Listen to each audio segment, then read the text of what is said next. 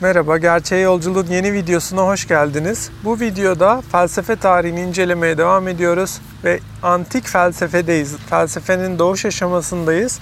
Doğuş aşamasına artık doruğuna doğru ilerliyoruz. Doğuş aşamasının doruğunda ki figürlerden biri de tabii ki de Sokrates. Bu videoda Sokrates'i inceleyeceğiz.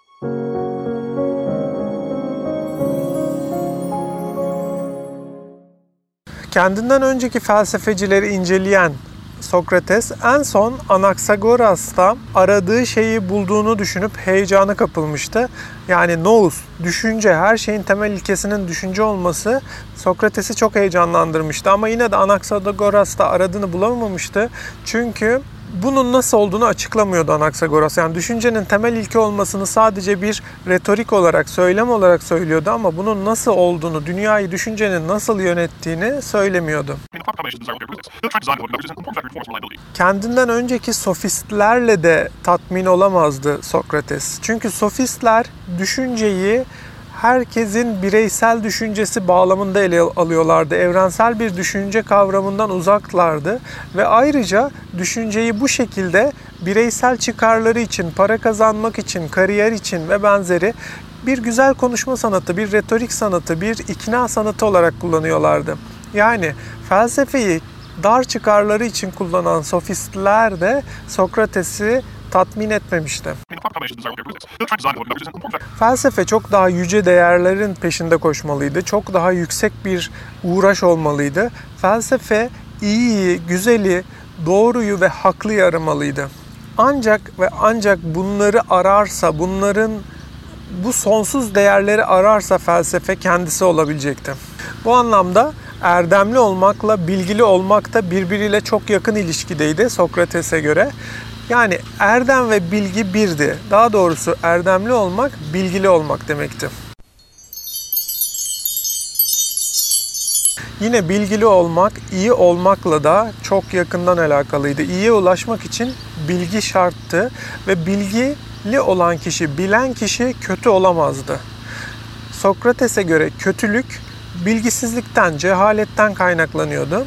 Sokrates'in bu iyi ele alışını yukarıda videomuzdan inceleyebilirsiniz. İyi kavramı üzerine bir video çekmiştik.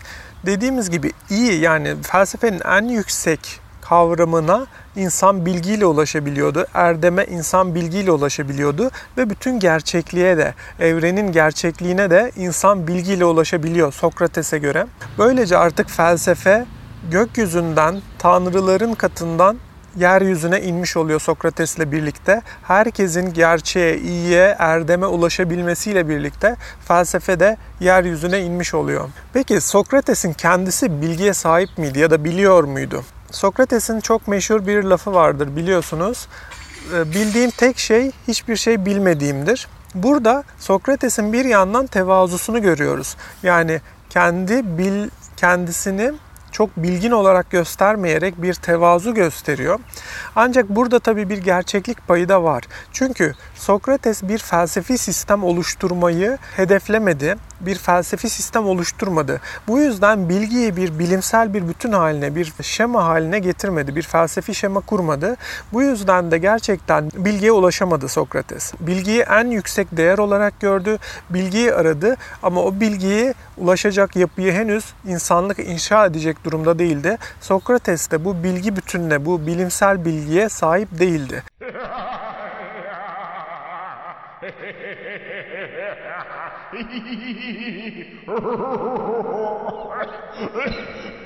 bir bütünlüğün, bir bilimsel sistemin, bir felsefi sistemin ortaya çıkmasıyla birlikte insanlığın artık bilebildiğini, bilgiye sahip olduğunu da göreceğiz. Peki o zaman Sokrates ne yaptı? Sokrates insanlara bir tür yol göstericilik yaptı. Yani sohbetlerle insanların düşüncelerini doğruya, iyiye, güzele, haklıya yönlendirmeye çalıştı.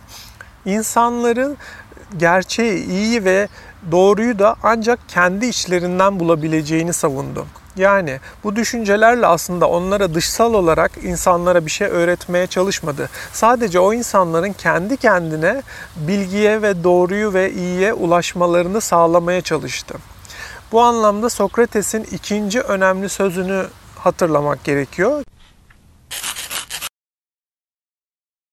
kendini bil. Yani kendini bilmek aslında felsefenin çok temel bir hedefi haline geldi Sokrates'le birlikte. Fakat Sokrates'in bu yaptığı şey fallarla, işte üfürükçülerle, mucizelerle karar vermeye alışmış olan Yunan toplumu için boş inançlarla kararlarını veren Yunan toplumu için Sokrates'in bu tarzı çok fazlaydı. Sokrates toplumu bu anlamda rahatsız etti. Yani bilgiyi kişilere ulaştırarak, kişilerin benliğiyle ulaşabileceği bir şey olarak erdemi yine kişilerin kendilerinin ulaşabileceği ve kendilerinin karar vereceği bir yere çekerek Sokrates ileri gitmişti.